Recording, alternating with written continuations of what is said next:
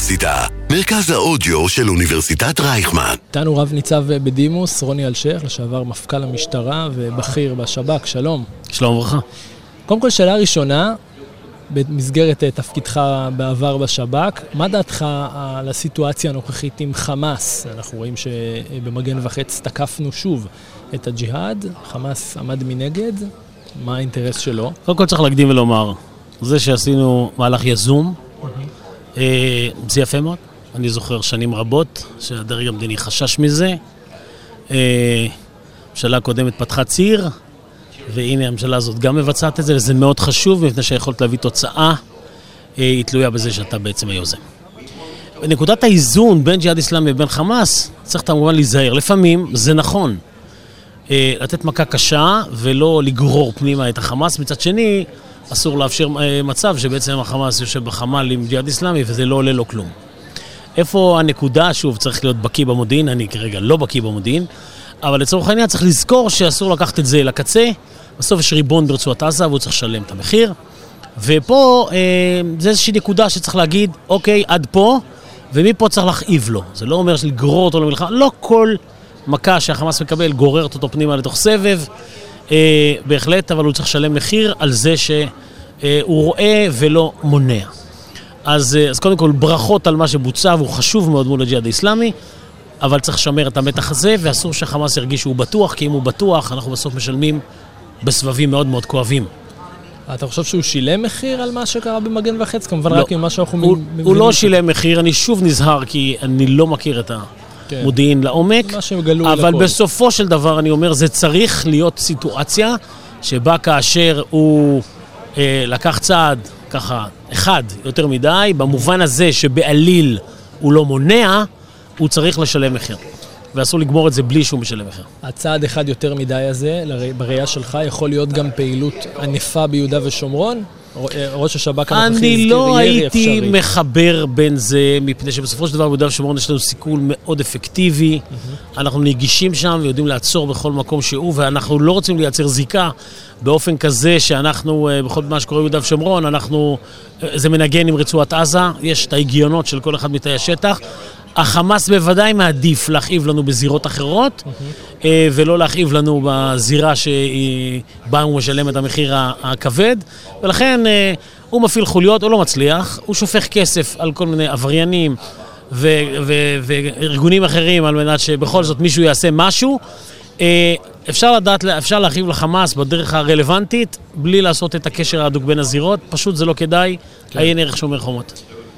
טוב, נעבור לנושא החם אה, של הכנס הזה ובכלל, המהפכה המשפטית. אה, מה דעתך על המהלכים האלה? טוב, אני כבר את דעתי על כל במה, אה, מה אני חושב, וברור לחלוטין שבלשוננו שום דבר כזה לא נעשה לשם שמיים. אף אחד לא באמת מנסה לשפר. לא ראיתי בשורות של הרפורמה ולו שורה אחת שאמורה לייצג איזו אידיאולוגיה ימנית. אה, כדי אה, אה, להשיא ערך אה, עבור ציבור שהוא ציבור ימני.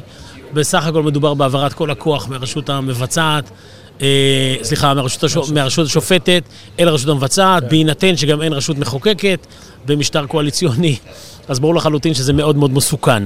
וככזה צריך להילחם על זה, בכלל לא חשוב מה הדעות הפוליטיות, ולכן יצאתי דרך הדבר הזה, נגד הדבר הזה בצורה מאוד אה, אה, אה, בוטה אפילו, הייתי אומר, ונחרצת. אה, למרות שזה לא היה פופולרי, בטח לא כשאני כן. החלטתי שאני מדבר נגד זה, בטח לא בציבור שבתוכו אני חי, אבל אני חי את האמת שלי ואני לא כל כך אכפת לי איך מגיב הציבור. בסוף אני שומע סביבי הרבה הרבה יותר אנשים היום שמבינים את התהליך ומבינים שלא באמת מישהו בא לעזור להם באיזשהו מקום. לא ראיתי את הדברים שאמורים לכאוב. לציבור ימני, אפילו לציבור מתנחלי, מופיעים בתוך הרפורמה, הם פשוט לא שם, כי זה לא מעניין. מה שמעניין זה כן. התהליך הזה של בסוף לאיין את כל האיזונים והבלמים. לזה כל בר דעת אסור להסכים, אנחנו מדינה דמוקרטית ואנחנו רוצים מגבלות כוח. מי שיש לו כוח נוטה להשתמש בו, ולכן צריך ריסון כוח, לא משנה מי אתה. ברור. טוב, אתה היית מפכ"ל המשטרה, הגעת בעצם מבחוץ כמובן לתפקיד הזה.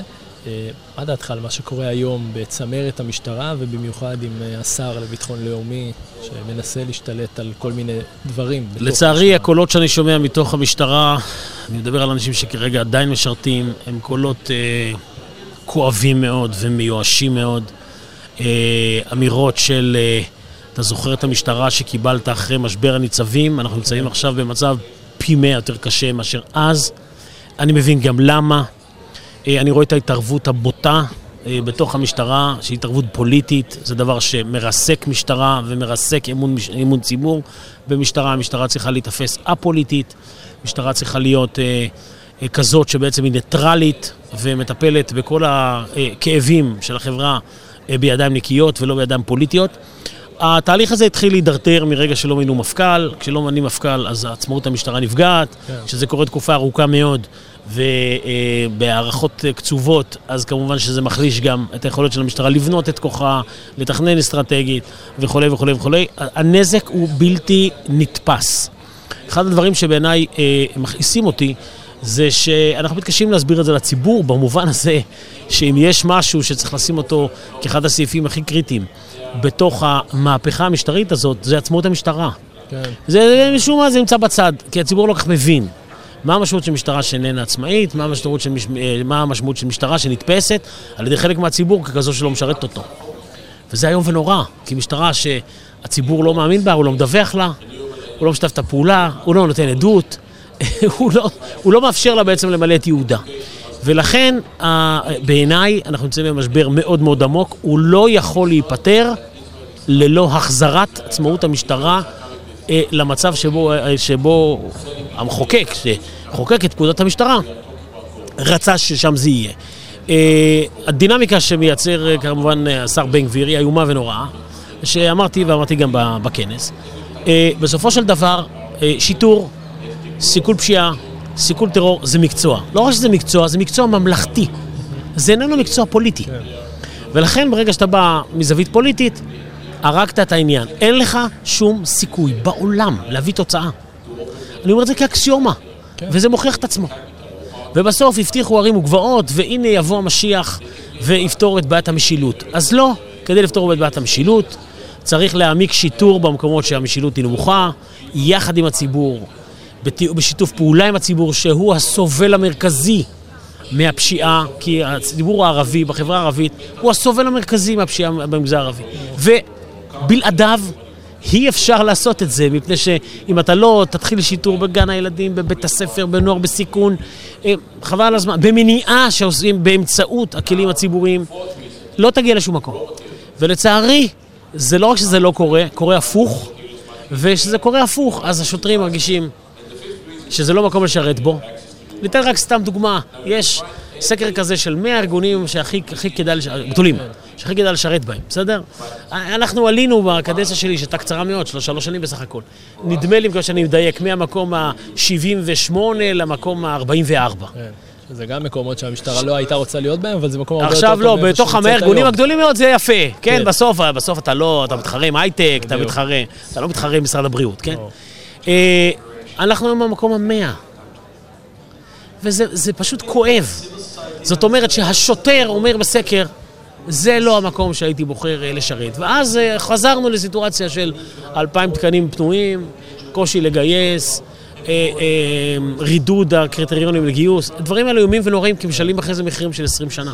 הזכרת את שומר חומות, והזכרת גם את המילה הזו משילות, ויש מי שמקשר בין משילות לבין משמר לאומי. מה דעתך על זה? אני שואל שאלה מאוד פשוטה, אותו משמר לאומי, מאיפה יביא כוח אדם? מי, מי, מי, מי יבנה את הכוח שלו? מי יביא לו מודיעין? אה, מי, מאיפה הידע? כלומר, מה עושים פה בעצם? עושים איזה אקזיט מתוך המשטרה, ו... אז אם יהיה לו תנאים יותר טובים במשטרה, יברחו עוד שוטרים מהמשטרה למשמר הלאומי, ומה יקרה? זה משטרה מספר 2, רק שתהיה משטרה שכפופה לדרג פוליטי, שזה דבר איום, ונורא. משמר לאומי אם צריך, והרעיון המרכזי ש, שאז, אני לא אהבתי את הביטוי משמר לאומי, אבל לצורך העניין, אה, כשהוקם, הרעיון היה לייצר אנשי מילואים שבעת חירום ציודם עליהם והם מסוגלים לבוא ולתת... זה הכל, זה הסיפור, ואת זה חשוב לעשות. להפוך את זה לאישו המרכזי, שעם זה אנחנו נמגר פשיעה. לא. פשיעה ממגרים עם שיטור קהילתי, עם חקירות, עם בילוש, עם זה ממגרים פשיעה, ולא עם הקשקוש הזה של עוד אה, לוחמים שיהיו מוכנים לשומר חומות 2. תפקיד המשטרה זה למנוע את שומר חומות 2, ולא להיערך לשומר חומות 2, זה אזרחי המדינה, זה לא סבב ברצועת עזה. זה אנשים שמנתחים אותנו, מספקים לנו תרופות ומסיעים את הילדים שלנו בבתי הספר. משהו פה מעוות בתפיסה. טוב, פשיעה ממגרים בעבודה יומיומית קשה, כמו טרור. נכון, נכון, אבל בגישה שהיא גישה משתפת את הציבור. הציבור הוא זה שנפגע מפשיעה. הילד בגן הילדים צריך לפגוש שוטר, והוא צריך להיות הגיבור שלו ולא העבריין. וברגע שאתה ניגש כמו שאתה ניגש, היום העבריינים הם הגיבורים של... הם, הם אוכלים בלי לשלם, הם מתלבשים בלי לשלם, הם יורים בפנטזיה, ובסוף הם הגיבורים של הילדים. ככה לא ממגרים פשיעה. בעיה. רוני אלשיך, בכיר בשב"כ ומפכ"ל לשעבר, תודה רבה שדיברת איתנו. תודה, תודה לכם.